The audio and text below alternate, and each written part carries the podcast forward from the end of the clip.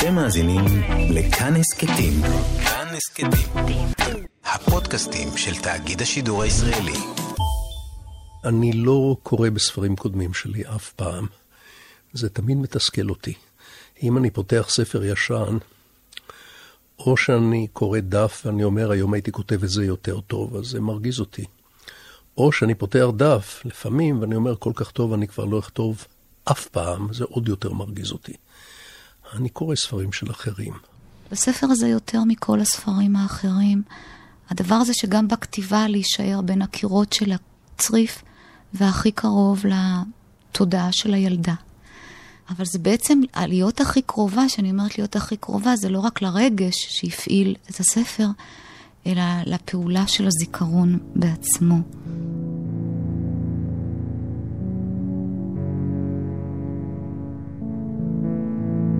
שלום לכם מאזינות ומאזיני כאן תרבות. באולפן ענת שרון בלייס. השבוע, ב-28 בדצמבר, מלאו שלוש שנים למותה של רונית מטלון ושנתיים למותו של עמוס עוז. לפני מספר ימים נזכרתי בשתי שיחות רדיו שעשיתי. האחת עם מטלון בשנת 2008, כאשר ראה אור הרומן שלה כל צעדינו. השנייה עם עוז ב-2018, זמן קצר לפני מותו, כאשר נפגשנו ודיברנו על שני הרומנים החשובים ביותר שלו, מיכאל שלי וסיפור על אהבה וחושך. כל צעדינו וסיפור על אהבה וחושך הם הרומנים האוטוביוגרפיים של השניים. בספרים הללו הם פתחו את הדלת לבית ילדותם והזמינו אותנו, הקוראות והקוראים, פנימה. להיכנס לצריף בגני תקווה, שם גדלה הילדה רונית, ולדירת המרתף בירושלים של ימי המנדט הבריטי, שם גדל הילד עמוס. נולדתי וגדלתי בדירת קרקע קטנה מאוד, נמוכת תקרה, כ-30 מטרים רבועים. הוריי ישנו על ספת מגירה, שהייתה ממלאת את חדרם כמעט מקיר לקיר כאשר נפתחה מדי ערב. השכם בבוקר היו מדחיקים את הספה הזאת עמוק אל תוך עצמה, מעלימים את כלי המיטה בחשקת הארגז התחתון, הופכים את המזרן, סוגרים, מהדקים, פורסים על הכל כיסוי אפור בהיר, מפזרים כמה כריות מזרחיות רקומות, מעלימים כל ראיה לשנת הלילה שלהם. יש סוגים שונים של זיכרון. פרוסט דיבר על הזיכרון הרצוני והלא רצוני, ואני מניחה שיש עוד סוגים של זיכרון. כי כאילו מבחינה פורמלית אני אדם עם זיכרון פנומנלי. אה, יש לי זיכרון מצוין ולפרטי פרטים, ומאז שאני זוכרת את עצמי כילדה, אה, אה, אני זוכרת את עצמי, זוכרת בעיקר. אם את שואלת אותי מה זיכרון הילדות הכי מוקדם שלי, זה הזיכרון שלי את עצמי זוכרת, או זיכרון שלי את עצמי נמצאת בסיטואציה מסוימת ואומרת לעצמי, תזכרי, תזכרי, תזכרי, תזכרי. בהרבה עדויות של, אני לא עושה אנלוגיות, של ניצולים או שורדים, יש את הדבר הזה שהם נשבעים לעצמם לחרות, לצרוב את הזיכרון בתודעה. השורד, העד, אומר לעצמו, תזכור. אז לקחתי את שתי השיחות, זאת עם רונית וזאת עם עמוס, פרמתי אותן וערכתי שיחה אחת חדשה, שבה הם כמו מדברים האחד עם השנייה. קולה של הסופרת כהד לקולו של הסופר, קולו של הסופר כהד לקולה של הסופרת. יכול להיות שהיינו חרשים לכל צעדינו בגשם, בשעת ההתרחשות. הולכים לרוחבו של הכביש בלילה, זה לצד זה, ברווחים מוקפדים בין אחד לשני, שאפשרו את פריסתנו ממש לכל הרוחב. מקצה מדרכה לקצה מדרכה, ובצעדים מתואמים, מתונים, לא מהר ולא לאט, בדיוק בדיוק. לא כמי שנמלטים ממשהו אל משהו, נחבטים על ידי תנועת המטוטלת שבין העבר לעתיד, בין מה שהיה למה שיהיה, אלא כמי שניתן להם חסד הרגע, לרגע צופו מכף רגל עד ראש, בנשורת הזהובה של ההווה, התחממו בדלות ראיתיו. הגשם, הכביש, הלילה, החתול, מדרכה לא סלולה, משפט אקראי שנאמר או לא, ענף עקום של הזדרכת, הצריף שחלפנו על פניו בלי לעשות עניין. המשכנו.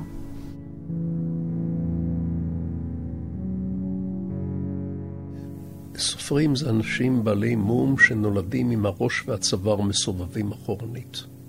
סיפור, עצם ההגדרה של המילה סיפור זה היו היה, לפני שנים רבות, בארץ רחוקה. גם סיפור שלא מתחיל ככה, כן מתחיל ככה. אפילו סיפור על העתיד, אני יודע, מדע דמיוני, גם שם זה יתחיל, בתחילת השבוע אמר הקפטן שאנחנו בדרך אל הכוכב ההוא וההוא. הוא אמר, הוא לא יגיד. פעם אחת כשהייתי בן שבע או שמונה, אמרה לי אימא כשישבנו שנינו על הספסל שלפני האחרון באוטובוס של חברת המקשר, בדרכנו למרפאה או לחנות נעלי ילדים, כי אמנם נכון שספרים עלולים להשתנות במשך השנים, לא פחות מכפי שאנשים משתנים עם הזמן, אבל ההבדל הוא בכך שאנשים, כמעט כולם יעזבו אותך בסופו של דבר לנפשך, כאשר יבוא יום שבו שוב לא יפיקו ממך שום תועלת, או עונג, או עניין, או לפחות הרגשה טובה. ואילו הספרים לעולם לא ינטשו אותך. אתה אותם ודאי תעזוב לפעמים, ואחדים מהם אתה ודאי גם תעזוב לשנים רבות או לתמיד. אך הם, הספרים, גם אם בגדת בהם, הם לעולם לא יפנו לך עורף. בדומייה שלמה ובענווה הם ימתינו לך על האצטבה. אפילו עשרות שנים ימתינו, לא יתלוננו. עד אשר לילה אחד, כשתהיה פתאום זקוק לאחד מהם, ולו גם בשלוש בבוקר, ולו גם יהיה זה ספר שאתה הזנחת אותו וכמעט מחית מלבך במשך שנים על שנים, הוא לא יחזיב אותך, כי אם ירד מן האצטבה ויבוא להיות עמך ברגע קשה, לא יתחשבן, לא ימציא תירוצים, לא ישאל את עצמו אם כדאי לו ואם מגיע לך ואם אתה עדיין מתאים לו, אלא יבוא מיד כאשר תבקש ממנו לבוא. לעולם לא יבגוד בך. אני חושבת אצל כל הדמויות במשפחה הזאת, אה, או רובם, יש נזילות בתפקידים. הם עוברים מתפקיד לתפקיד כל הזמן. וזה גם מתקיים uh, בתוך הצריף, שהוא בעצמו... כל הזמן, לא, משנה צורה. משנה צורה, או כמו איזושהי דמות פה, או זאת אומרת, עוד גיבור ברומן. לגמרי, כן. את כותבת, היינו שלושה בצריף, אחי הגדול, אחותי הגדולה, ואני. אלבינט. הילדה. גוף שלישי נצחי. היא, כלומר האימא, היא לא הייתה עוד מישהו, היא הייתה הצריף. ואת שומעת את המילה צריף, ואת אומרת, טוב, זה, זה חדרון קטן שאי אפשר לעשות בו יותר מדי, ובטח נתקלים כל היום אחד בשני, אבל בתוך הספר הוא מתכונן כאיזה ארמון, איזה עושר אינסופי. החוויה הזאת של הצריף המשתנה עם ריבוי האפשרויות שלו, שעם כל זה שהוא 60 מטר מרובעים, שיש בתוכם שניים או שלושה חדרי שינה ומטבח, והמרפסת שהוסיפו אותה אחר כך, הוא כל כך משתנה על ידי האימא, והוא כל כך זז, שהוא נתפס באמת כארמון רב אפשרויות. בגלל זה הספר הזה הוא לא ספר על עוני. הוא לא יכול להיות ספר על עוני. שזאת הגדרה כן. סוציולוגית, כן. בדיוק. זה אולי ספר על מצוקה, אבל אין עוני מבחינת החוויה הפנימית הנפשית. של כל אחת מן הדמויות. אבל זה מעניין שאת אומרת את זה, כי האמת היא שבשנים שכתבתי את הספר הזה, הייתי בטוח שאת הספר הזה יקראו רק ירושלמים. בתל אביב אף אחד לא יכול להבין אותו. וגם לא כל הירושלמים, רק הצפון ירושלמים, כי אלה מהדרום, מה הם יודעים מהחיים שלהם, וגם אלה בצפון ירושלים, רק אלה שהם בערך מהבציר שלי, מהשנתונים שלי, וטעיתי. אה, זה ספר שתרגמו אותו לעשרות שפות, כמעט ארבעים. וזה הספר שאני חשבתי שהוא כל כך פרטי, אינטימי, כמעט צופן של שכונה אחת בירושלים ושל דור אחד בארץ. או אפילו לא של דור, של אה, פינה בתוך הדור הזה. אה, טעיתי, טעיתי בגדול. מה שמעניין אותי הוא לעשות אוטוביוגרפיה בדיונית, שככה אני רואה את הדבר שעשיתי. קצת כמו שביאליק עשה בפרקי ספיח, זו אוטוביוגרפיה בדיונית. יש לה מרכיבים מאוד אוטוביוגרפיה ויש לה גם ממד בדיוני. זה ביחד. לדמות הראשית שלי, לילדה, לא קוראים רונית. והבחירה שלי היא לא לקרוא לגיבורים בשמם. היא לא באה בגלל הסוואה או פחד מחשיפה או משהו, אלא באמת בשביל לאפשר לעצמי את אותו מרחב של חופש, של חירות, גם של הבדיון, של אותו מקום שיכול היה להיות.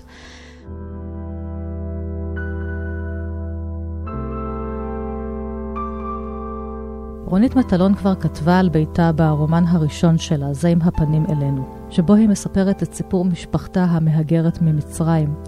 בכל צעדינו היא שבה פנימה, אל קולותיו של הבית, בין האימא שאוחזת בכל כוחה את הקירות מסביב לילדים, לבין האבא שבא והולך. אבל גם סיפור על אהבה וחושך של עוז מסתתר כבר ברומן המוקדם שלו, מיכאל שלי. אימא, אבא וילד קטן בירושלים. ופתאום אפשר היה לפענח מיהי אותה דמות מסתורית שעוז תמיד סיפר כי הכתיבה לו את מיכאל שלה. בעצם אני כתבתי את הספר הזה אחרי הרבה מאוד שנים שבהן הייתי מלא כעס גם על אמי שאיבדה את עצמה לדעת כשהייתי בן 12 וחצי. כאילו שהיא בגדה בנו, כאילו שהיא ברחה עם מאהב ולא השאירה אפילו פתק. היא שתמיד אמרה שמי שעוזב את הבית אפילו לשעה, משאיר פתק תחת האגרטל לאן הלך, מתי ישוב. שנאתי אותה נורא, שנאתי את אבא שלי. חשבתי שיש בו משהו נורא מפלצתי, אחרת אישה נפלאה כזאת לא הייתה טורקת את הדלת ועוזבת אותו. לא ידעתי מה, אבל בטח יש שם איזה מפלצת. והכי מכולם שנאתי את עצמי, כי חשבתי, אם אימא שלי קמה ועזבה אותי בלי מילה, כנראה שאני בלתי נסבל. כנראה שאני כל כך נורא שאף אחד לא יוכל לעולם לאהוב אותי. אבל עם השנים, במקום הזעם והעלבון והתסכול, באו סקרנות, אמפתיה, חמלה והומור. ואלה ארבעת הכוחות שהניעו את היד הכותבת הזאת בזמן שכתבתי את אהבה וחושך. לא הזיכרון תובע כאן איזה חשבון בגרון ניחר. הוא מתייצב על המדרגות הנאות למעלה, הזיכרון, כשפניו מופנות למטה, אל תחתית המדרגות, מסוחרר מעצמו, מקריסתו לתוך עצמו, קריסת הלמטה והלמעלה. אין רוחות רפאים, ואין התגלות בזיכרון הקורס, המוכן לקרוס. זהו, שהכל כבר מתרחש, גם העתיד, קו האופק של הזיכרון. ההקשבה הדרוכה לקולה השטוח של תחושת הבו זמניות היא המופע הפנימי הכי קדום שלי, פרטי יותר משמי הפרטי. כך קיבלתי את האזרחות הזאת של להיות אורחת בחיי. כך גם נגלה תמיד, מאז ומעולם, היסוד המחמיר בעולם הדברים. כמירת הלב, הנוסטלגיה, נולדה עם היוולדות המבט הראשון על הדבר הראשון, בריכת המים המחמירה. העתיד, בדמותו של המבט הנחמר המופנה לאחור, היה גם העבר, גם ההווה שהתחולל כזיכרון שמוכרחים לנטוש אותו כדי לשמר אותו. היה פעם סיפור קצר באנגלית, לא זוכר מי כתב אותו, לא זוכר על מה, לא זוכר את הדמויות, כלום. רק זוכר את השם. קראו לו All our secrets are the same. כל סודותינו הם אותו סוד. לכאורה זה לא נכון, אין שני אנשים עם אותם סודות. אבל אם חופרים קצת זה כן נכון, כי כל אחד רוצה קצת יותר אהבה ממה שהוא מקבל, לא משנה כמה הוא מקבל. וכל אחד פוחד מפני הלא ידוע, וכל אחד היה רוצה להיות בריא, וכל אחד היה רוצה שאוהבו אותו ויבינו אותו, וכל אחד היה רוצה שלא יפגעו בו. אבל אם חופרים עוד יותר עמוק, עוד פעם כל אחד והסודות שלו. אבל אם חופרים עוד יותר עמוק, עוד פעם זה מתחבר ואני לא יודע כמה. אז כל הסודות שלנו, שלנו הם אותו סוד, כן, לא, כן, לא, כן, לא. אתה גם כותב על זה בפתח הדבר של סיפור על אהבה וחושך, כי אתה פונה שם אל הקורא, ממש בדפים הראשונים, ואתה אומר, תעזבו את הרכילות, ספרות זאת לא רכילות, הספרות מתרחשת בין הקורא לבין הספר. הרכילות נותנת לנו רק את הכן לא הראשון. ספרים שאני אוהב נותנים לי שכבה אחרי שכבה של הכן ולא הזה. וזה מה שניסיתי להעביר, כאילו, האם באמת יש לי, מה שיש לאנשים ב, כשהם כותבים אוטוביוגרפיה, האם אני עומדת בראש ההר, כמו שלוקחים את הכיתה לטיול שנתי, עכשיו נשקיף על הנוף. האם אני משקיפה על הנוף? האם אני הנוף? האם אני בתוך הנוף? הרי אם לדייק עם עצמי, וזה מה שכתוב שם, שכבר כשהייתי בת חמש, באותה בריכת מים, חרבה, עלובה, מסריחה, היה לי העתיד הזה שידעתי שאני אזכור את עצמי בבריכת המים הזאת. וידעתי שצריך לזכור את זה. למה? לא יודעת. זה לא מסתורין, שהרבה פעמים סיפור או רומן, כמה שהוא יותר פרובינציאלי, יש לו סיכוי יותר טוב להיות אוניברסלי. אם הוא מנסה מראש להיות בינלאומי, אז הוא יהיה בינלאומי, יקראו אותו בשדות תעופה, בתי מלון בינלאומיים, וישאיר אותו על הספסל בשדות תעופה, בתי מלון בינלאומיים. הספרים, אלה שאני אוהב בכל אופן, הם נורא פרובינציאליים, צ'כוב, פוקנר, אה, הברדלס של למפדוזה, אפילו גרסיה מרקס. חור נידח, מי היה שם? אבל איכשהו זה נעשה אוניברסלי, כי זה, זה משביע שני, שני תאבונות סותרים. אחד, אנחנו רוצים לקרוא ספר, ופתאום בעמוד 32 להצר, להגיד, אבל זאת ממש אני, הוא לא מכיר אותי, איך הוא ידע עליי? הוא ממש מדבר עליי. זה הסודות שלי, זה לא סתם אני. ואחת זה בעמוד 143, עוד פעם, הנשימה נעתקת, וואי, זאת בחיים, לא הייתי יכולה להיות אני, שנותנים לי מיליון דולר, לא הייתי עושה דבר כזה. במיליון שנה לא. שני הריגושים הסותרים האלה, זה בדיוק אני, וזה ממש לא אני, זה, זה התענוגות של הקריאה, בין התענוגות של הקריאה.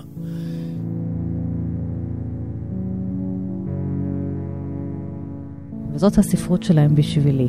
עמוס עוז לימד אותי להתאהב עד הקצה, ולימד אותי עברית. רונית מטלון לימדה אותי להתבונן, להקשיב, לצאת מדלת אמותיי. ולמעשה שניהם גם לימדו אותי כיצד לקרוא. ונראה לי שדווקא בתקופה הזאת, בין סגר לסגר, בין מרחק למרחק, בין מסכה למסכה, הקולות שלהם כאן ברדיו, בתוכנית הזאת, הם משהו שאפשר לקרוא לו קרבה. אני כותבת מפני שאנשים שאהבתי כבר מתו. אני כותבת מפני שבהיותי ילדה היה בי הרבה כוח לאהוב, ועכשיו כוחי לאהוב הולך למות. אינני רוצה למות. אני אישה נשואה בת שלושים שנה. בעלי הוא הדוקטור מיכאל גונן, גיאולוג, איש נוח. אני אהבתי אותו. נפגשנו בבניין טרה סנטה לפני עשר שנים. הייתי סטודנטית מחוץ למניין באוניברסיטה העברית, בימים שבהם עדיין נערכו הרצאות בבניין טרה סנטה. כך נפגשנו. הזיכרון הוא משהו הפוך לנוסטלגיה. ויש משהו בזה גם כמו איזשהו קליידוסקופ, כשממש כל נגיעה הכי קטנה ושברירית שלנו מיד תשנה את מה שאנחנו רואים. נכון, כי אני חושבת שהדבר הזה של הקליידוסקופ, נורא ניסיתי לעשות אותו בכל צעדינו, לתפוס כל סיבוב של העדשה הזאת של הקליידוסקופ, בשביל לגאול את הפרטים, את הפרטים האלה, את הקלוזאפים האלה של הפרטים. כי ההכללה של ניסיון החיים היא תמיד שקרנית. ביום חורף, בתשע בבוקר, מעדתי במדרגות. צעיר זר אחז במרפקי. ידו הייתה חזקה ומתאפקת. ראיתי אצבעות קצרות, שטוחות ציפורן, אצבעות חברות אשר על פרקיהן צמחה פלומת שיער שחור. הוא הזדרז להפסיק את נפילתי. אני נשענתי על זרועו עד שחלף הכאב. הייתי מבולבלת, מפני שמשפיל הוא למעוד פתאום בנוכחות אנשים זרים. עיניים חוקרות בולשות, וחיוכים בלתי נקיים. והייתי נבוכה, מפני שכף ידו של הצעיר הזר הייתה רחבה וחמה. כאשר תמך בי, הרגשתי בחום אצבעותיו, מבעד לשרוול שמלת הצמר הכחולה שסרגה לי אמי. חורף היה בירושלים. החיים שלי היו רחוקים ממנה שנות אור. הירושלים החורפית, המאוננת שלה. אני הייתי אז בקיבוץ, עבדתי בפלחה, לימדתי בבית ספר יומיים בשבוע. אה, היא באה, היא אמרה, תכתוב, תכתוב, ולא עזבה אותי.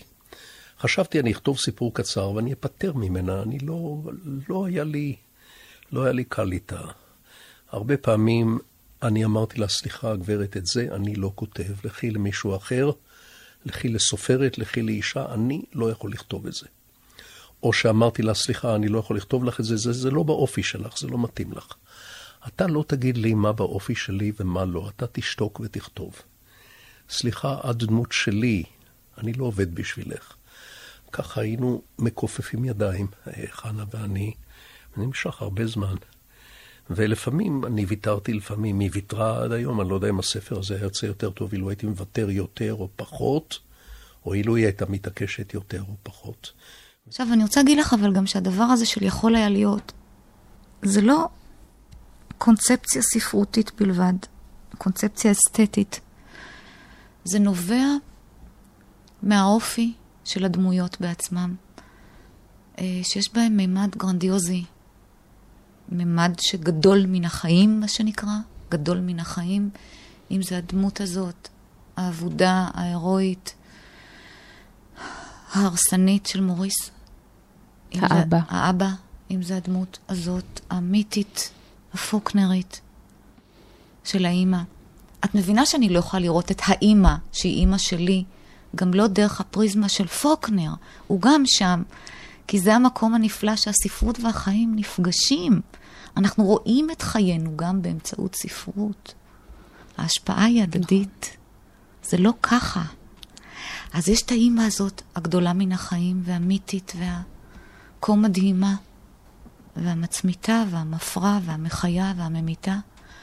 אני חושבת שכל האנשים האלה, במידה רבה, עסוקים בממד הזה של מה שיכול היה להיות. כל אחד מהם, בשבילו שאלה קיומית דחופה. כל הגיבורים של הספר זה מה יכול היה להיות. וזה... זה הפעולה של הדמיון, אם את רוצה. הרבה דברים בכתיבה, הכותב, אופן הכותב הזה לא בדיוק מבין. זה לא משחק שח, זה לא, זה לא אינטריגה. זה בא, בא ממני, אני לא אומר שזה לא בא ממני, אבל חלק מזה גם עובר דרכי, אני לא יודע בדיוק מאיפה הוא בא, עובר דרכי ויוצא מהעט שלי. ככה זה יצא היום. לא ברור לי מאיפה לקחתי את החוצפה בגיל 25 אולי, לכתוב ספר שלם מנקודת ראות של אישה. אבל הייתי צעיר, חשבתי שאני מבין נשים, שאני כבר יודע הכל. היום אני לא יודע אם הייתי מעז לעשות דבר כזה, אני חושב שלא. תראה, אני רוצה להגיד לך משהו. לרוב ראיונות על ספר, אחרי שהוא נולד, אחרי שהוא יצא, יש בהם ממד שקרני, מדהים. מפני שאתה מוצא רציונליזציה לפעולה המסתורית של הכתיבה. המסתורין הזה, כמו שטועים מאוד לחשוב, הוא לא קשור לתמטיקה, לנושאים שלך, לעל מה אתה כותב, אלא לאותו מקום חשוך של למצוא את הלשון ואת חיתוך הדיבור ואת הצורה ואת המוזיקה הפנימית שבה תספר את הנושא.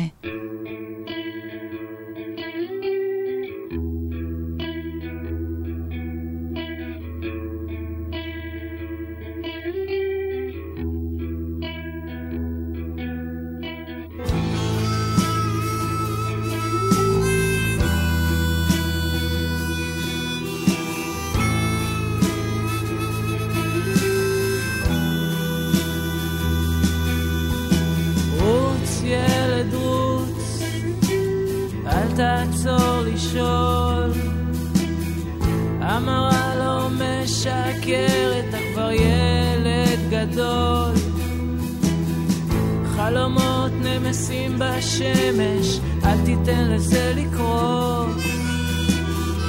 חלומות נרקבים בגשם, אל תיתן לזה לקרות. רוץ ילד!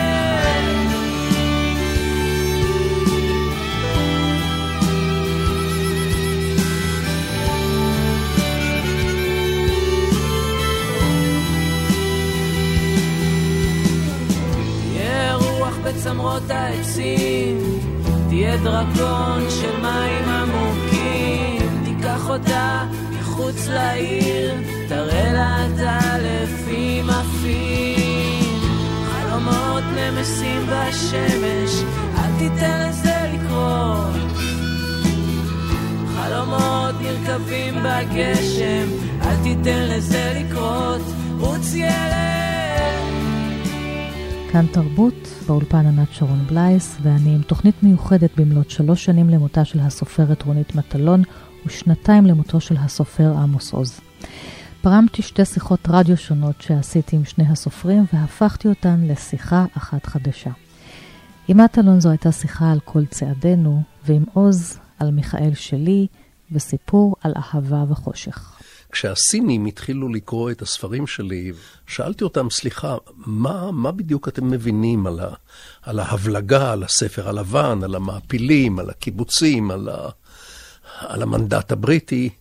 הם אמרו לי, לא, זה אנחנו באמת לא מבינים, אבל אני אגיד לך מה אנחנו כן מבינים. משפחה, אבא, אימא וילד יחיד, תשאל אותנו. ולזה הם כנראה נקשרו מאוד, וזה הם מצאו בסיפורים שלי, וכנראה נקשרו עמוק. לרוב אנחנו לא מחדשים הרבה עם נושאים, עם תמות. הספרות חוזרת פחות או יותר על אותן תמות שוב ושוב. זה שיש עניין ציבורי רב בתמות, זה מפני שהמאה שלנו מקולקלת על ידי הסוציולוגיה, והתקשורת, ופסיכולוגיית ההמונים, שמסתכלים על ספרות בכלים סוציולוגיים, תקשורתיים, ופחות ופחות מסתכלים על המהות שלה, והוא הנגיעה שלה ללשון. זה קשור גם להתרחקות מהשירה, שהאוזניים יותר ויותר חרשות לשירה, לא רוצות את השירה. אולי מפני שאי אפשר בצורה קלה להפשיט מן השירה את הייצוג של המציאות, את הסוציולוגיה, את הדיבור עלינו. כי את מבינה שבלב הקריאה הסוציולוגית של ספרות יש משהו כה נרקיסיסטי. אז מה אתה אומר עלינו, הסופר? לא חשבתי על השאלה אם זה ייצג, להפך, אמרתי לך קודם, חשבתי שזה מייצג רק את השכונה שלי בקושי. אה, אבל כנראה שכן, כנראה שיש פה גם הטרגי-קומדיה של מהגרים בכל מקום. אפילו אמר לי אדם אחד, אני זוכר את שמו, אני לא אגיד, על מדרגות האוניברסיטת בן גוריון בבאר שבע, הוא אמר לי, אני קורא את סיפור על אהבה וחושך, ואני לא ידעתי שאשכנזים כל כך דומים למזרחיים. אז כנראה זה עוד פעם, אנחנו חוזרים לעניין של כל הסודות שלנו עם אותו סוד. כן ולא, וכן ולא, ועוד פעם כן. יש פה כנראה משהו שנגע. אני עם הספר הזה כאילו קדחתי בחצר שלי קידוח משפחתי בשביל הנכדים שלי, שלא הכירו את ההורים שלי. אפילו הילדים שלי לא הכירו בעצם את ההורים שלי. קדחתי בחצר קידוח פרטי, וכאילו שהמקדחה פתאום פגעה באיזה עורק של מתח גבוה, ומהמון חלונות התחילו להבהב אליי אורות כאלה, מי טו, מי טו, לא במובן של עכשיו, גם אולי, אבל לא רק, לא בעיקר. והמון אנשים ממקומות רחוקים, מ- מ- ממקומות שלא שיערתי, הם אמרו, אבל זה גם עליי, זה גם עליי. גם בספר הזה, בעיקר בספר הזה, יש לי מבפנים רצון להגיד לך ולעצמי אמת, אבל האמת הזאת היא חמקמקה, חלקה לא נתפס. למה בספר הזה הכל קרוב כל כך, אינטימי כל כך? למה זה רק ארבעת הקירות של הצריף? למה הלשון, להרגשתי, אחרת? הפעולה הלשונית כל כך שונה מספרים אחרים. ובגלל שלשון, כמו שאת יודעת, היא לא מחלצות שסופרים לובשים. לשון היא העדות על הרגש. ומה שמפעיל ספרות בעיקר ופועל עלינו, אני חושבת, הוא הרגש. הרגש שבאמצעותה היא נכתבה, והרגש שעובר, שמקרין, שכאילו מפעפע מהטקסט לקורא.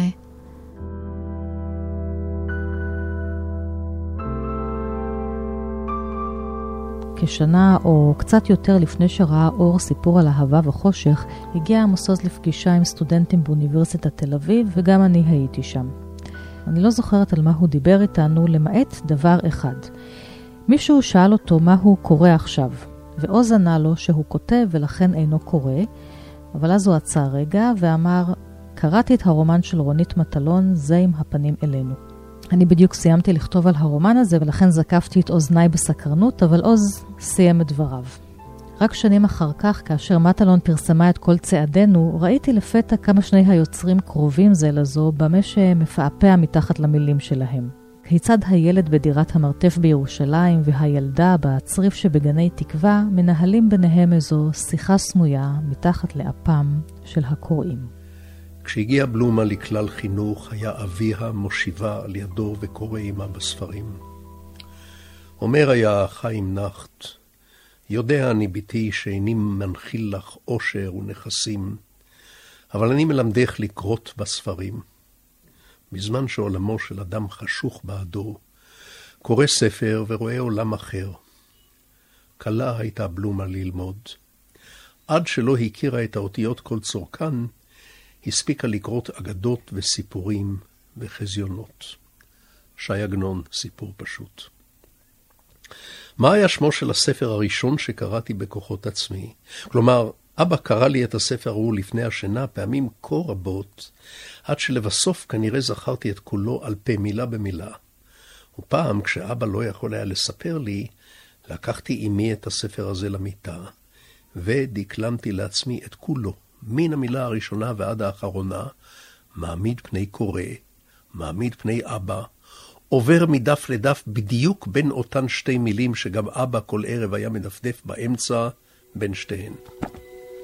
מבחוץ, מבעד לווילון החצי שקוף, המתבדר, יכלה הילדה לראות את התמונה ההיא, תמונת בדידותו, לעצום את עיניה מול המראה כדי לראות אותו סוף סוף כמו שהוא, לראות אותו ולא לרצות לבוא אל תוכו.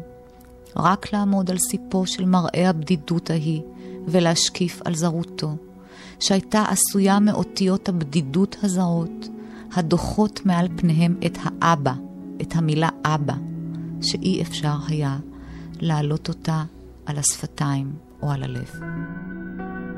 הכתיבה יכולה לבוא אחרי תרפיה. אני לא עברתי תרפיה מקצועית אף פעם, אבל כשאני כותב אני כבר לא שם. אני לא יכול להיות שם ולכתוב את זה. אתה לא יכול לכתוב על המלחמה מתוך השוחות. ואתה לא יכול לכתוב על, אה, אני יודע, על, אה, על אה, סקס מתוך המיטה. אתה צריך מרחק. אז זה לא תרפיה. אבל דיסקט גיבוי. רציתי שלילדים ולנכדים שלי יהיה דיסקט גיבוי בתוך הנהר הגדול הזה שהכל נשכח. והיה לי חשוב להציל כל מיני דברים מהציפורניים של הזמן. איך הם התגעגעו בסתר אל הנופים של הארץ הישנה שהם השאירו מאחריהם, ולמה צנזרו את זה מהילד. מה הם קיוו, על מה הם חלמו, אה, ממה הם פחדו נורא. הייתי צריך להיות אה, במרחק מוגדר מן הבחור הזה ומן ההורים. בלי המרחק הזה אי אפשר לכתוב. גם אי אפשר לכתוב אם אתה בכלל בגלקסיה אחרת, אבל צריך מרחק. כן. קשה מאוד להגיד שלא שנאה ולא התחשבנויות לגמרי. אני חושבת שיש דברים מאוד מאוד קשים בספר הזה, שקשורים גם לשנאה, גם להתחשבנות, גם להרס הדדי. אפילו דברים חמורים משנאה והתחשבנות, הרס הדדי של האימא והאבא. הסוד, וזה משהו, אני חושבת, אוניברסלי אולי. הסוד של הבית הוא לא ההרס שלו, אלא האהבה שבו, שזה הדבר שהיה קשה לראות ושנמצא שם. התשוקה, ההתכוונות בין האבא לבין האימא, שהייתה קיימת מתחת לכל שכבות ההרס והאין וההיעדר. זה משהו באמת שמאוד מאוד העסיק אותי ומעסיק אותי עד כמה אנחנו בעצם מתקשים אה, לראות דווקא את הטוב. שהמופע של הרע בחיים הוא מופע מאוד ראוותני ומאוד מפתה. מאוד מפתה. לא סתם התקשורת ההמונית עוסקת בעיקר בגילויים של הרע, כי הם הגילויים המפתים, הצבעוניים, הקרקסיים, הקרנבליים של הקיום שלנו. לטוב יש איזה סוג של חרישיות. נולדתי וגדלתי בדירת קרקע קטנה מאוד, נמוכת תקרה, כ-30 מטרים רבועים. הוריי ישנו על ספת מגירה שהייתה ממלאת את חדרם כמעט מקיר לקיר כאשר נפתחה מדי ערב. השכם בבוקר היו מדחיקים את הספה הזאת עמוק אל תוך עצמה, מעלימים את כלי המיטה בחשקת הארגז התחתון, הופכים את המזרן, סוגרים, מהדקים, פורסים על הכל כיסוי אפור בהיר, מפזרים כמה כריות מזרחיות רקומות, מעלימים כל ראיה לשנת הלילה שלהם. כך שימש חדרם, גם חדר שינה, גם חדר עבודה, גם ספרייה, גם חדר אוכל וגם חדר אורחים. אני מקשיבה לך עכשיו שאתה קורא את הפתיחה של אה, סיפור על אהבה וחושך, ואני כבר חושבת על המפתחות הפואטיים שאתה נותן כאן, על המיטה, שהיא מיטה בלילה, ובבוקר היא הופכת להיות ספה. אתם יכולים לקרוא אותה, את הספר הזה כמיטה, אתם יכולים לקרוא את הספר הזה כחדר אורחים. אתם יכולים לקרוא את הספר הזה עם המצעים האינטימיים, ואתם יכולים לקרוא את הספר הזה עם הכיסויים. יש פה פועל אחד על הספה, המיטה הזאת, זה, הם היו מדחיקים את הספה הזאת אל תוך עצמה. וזה באנגלית אי אפשר להגיד את זה, זה לא ספרס, אפשר, אולי בשפות אחרות אפשר. אבל לי זה היה נורא חשוב לבחור את הפועל הזה, מדחיקים. כי השינה וכל מה שכרוך בה, זה היה דבר קצת מביש באותו זמן. היה לזה ריח של אינטימיות, של סקס, של הופעה לא מכובדת, לא ייצוגית, והיה צריך להפוך את חדר השינה למקום סטרילי, ראוי לאירוח. סלון, כל הסלון המסכן הזה היה שלושה צעדים לאורך וארבעה צעדים לרוחב בערך, אבל שיהיה סלון. וללכוד את כל התנועות האלה, בשביל זה הספרות. זה בשביל זה. דוחות רפואיים יש בסוציולוגיה, בפסיכולוגיה. אז בשביל מה יש ספרות אם לא ללכוד את התנועה הבלתי מוסברת של הנפש שלנו? את זה שאנחנו לא עשויים אור אחד.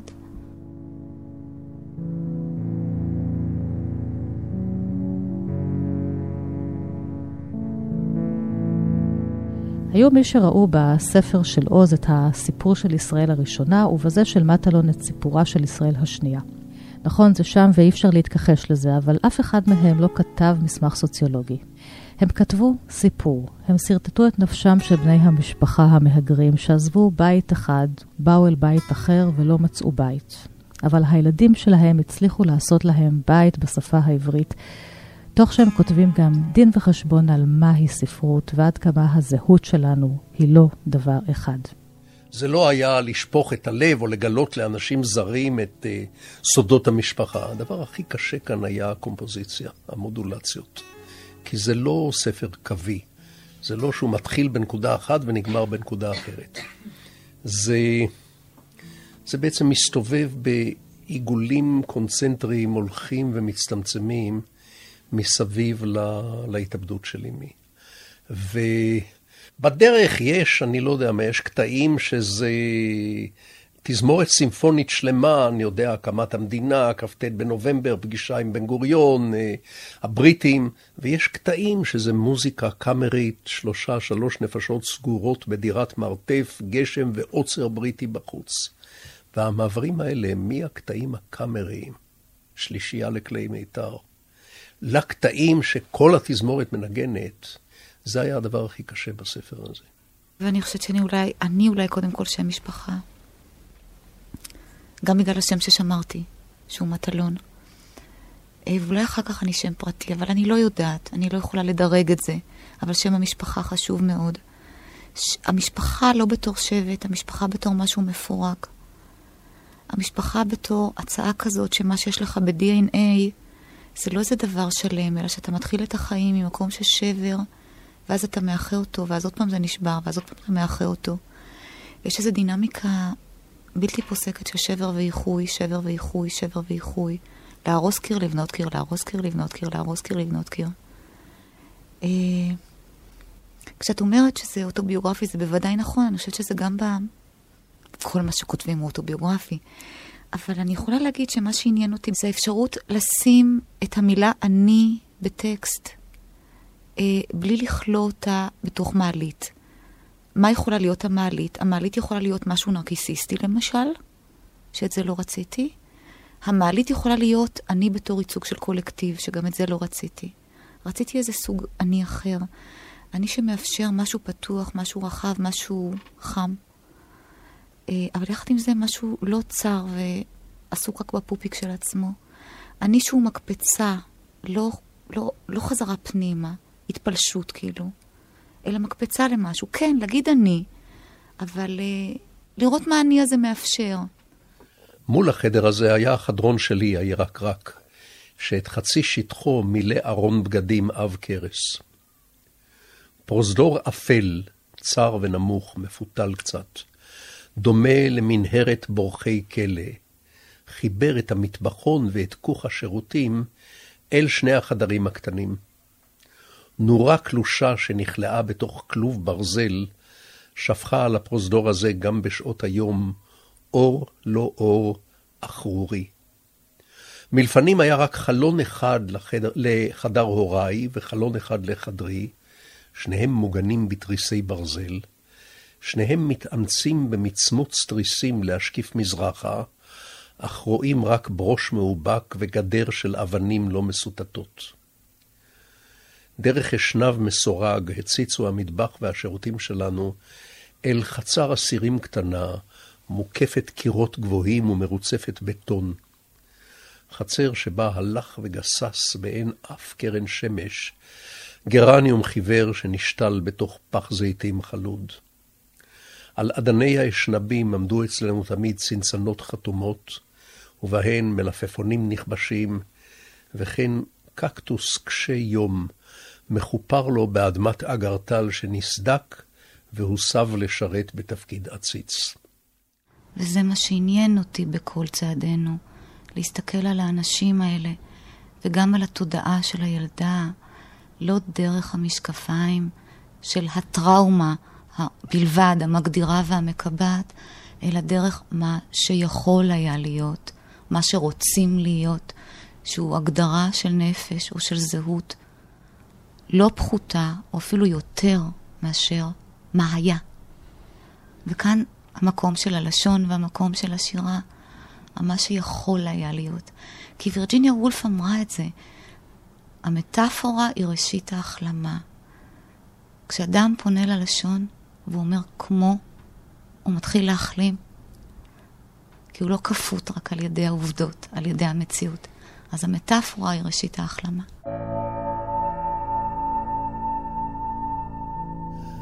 זה חי בעבר. ו... וגם חופר, וגם נובר, אבל לא רק משחזר, זהירות.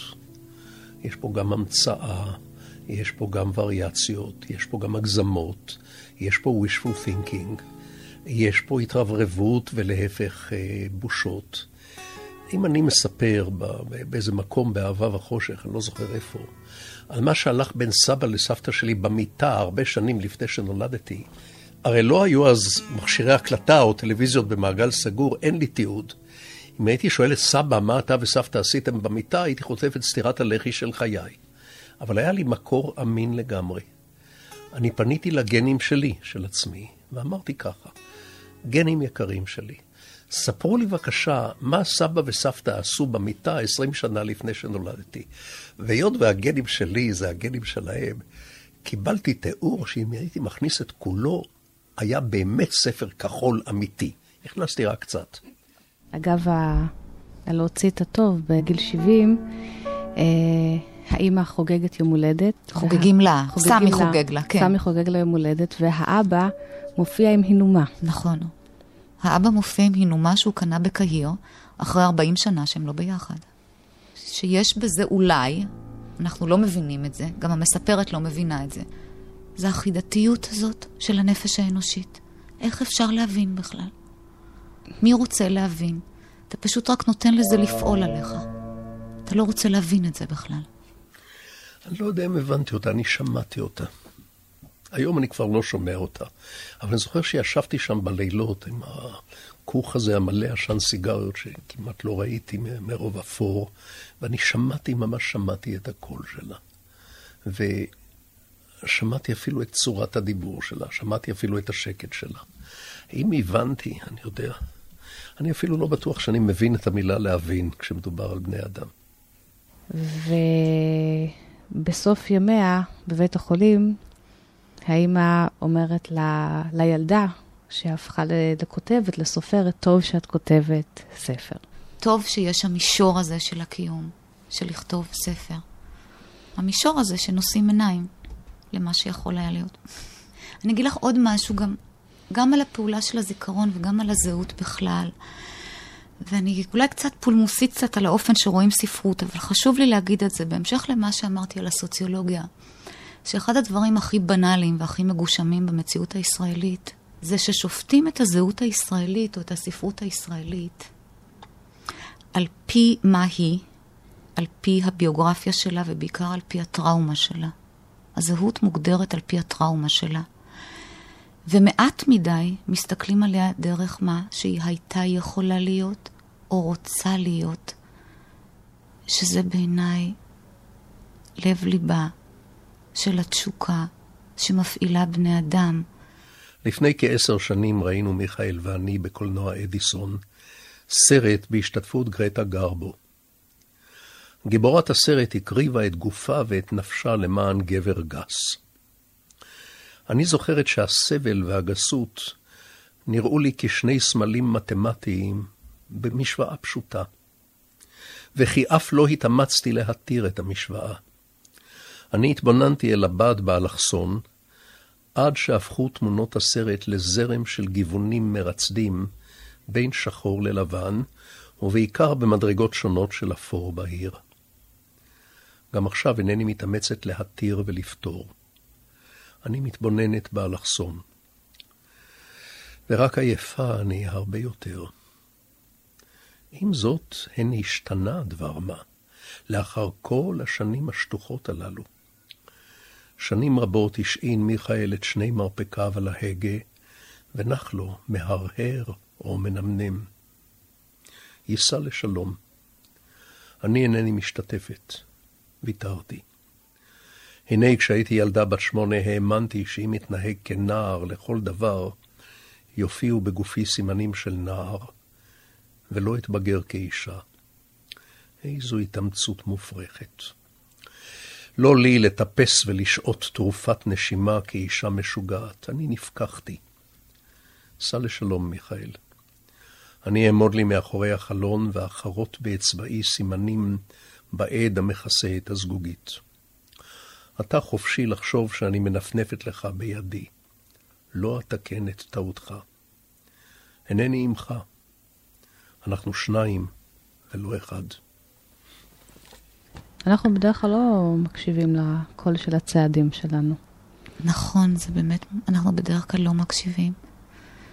ומה את מבקשת בהקשבה הזאת? לקול של הצעדים שנפתח הספר, הצעדים של האימא, הוא מסתיים בכל צעדינו של, של המשפחה שבאמת הולכת ביחד בשכונה. בגשם. בגשם. מה זה כל הצעדים שאנחנו מקשיבים לכל צעדינו? קודם כל, גם הדבר הזה של גוף ראשון רבים, כל צעדינו, גם... אה, אבל יש כאילו איזה רגע בהיסטוריה שלנו, בהיסטוריה של המשפחה הזאת, שבתוך כל הפירוק והפירוד וההתפוררות, יש איזה רגע מטאפיזי של ביחד, שהוא קשור למופע של גשם שלא מגיע עד האדמה, שחוזר למעלה לשמיים. וזה רגע שבו אנחנו, אנחנו, שהילדה יכולה להגיד אנחנו. וזה לא רגע במציאות, זה רגע, כמו שאמרתי, מטאפיזי, שקשור למשהו כמעט להתגלות דתית. של הקשר בין סמי וקורין והאימא והילדה. אולי שם רחוק מוריס. כל צעדינו. יכול להיות שהיינו חרשים לכל צעדינו בגשם, בשעת ההתרחשות. הולכים לרוחבו של הכביש בלילה, זה לצד זה, ברווחים מוקפדים בין אחד לשני, שאפשרו את פריסתנו ממש לכל הרוחב. מקצה מדרכה לקצה מדרכה, ובצעדים מתואמים, מתונים, לא מהר ולא לאט, בדיוק בדיוק. לא כמי שנמלטים ממשהו אל משהו, נחבטים על ידי תנועת המטוטלת שבין העבר לעתיד, בין מה שהיה למה שיהיה, אלא כמי שניתן להם חסד הרגע, לרגע צופו מכף רגל עד ראש, בנשורת הזהובה של ההווה. התחממו בדלות רהיטיו. הגשם, הכביש, הלילה, החתול, מדרכה לא סלולה, משפט אקראי שנאמר או לא, ענף עקום של הזדרכת, הצריף שחלפנו על פניו בלי לעשות עניין. המשכנו.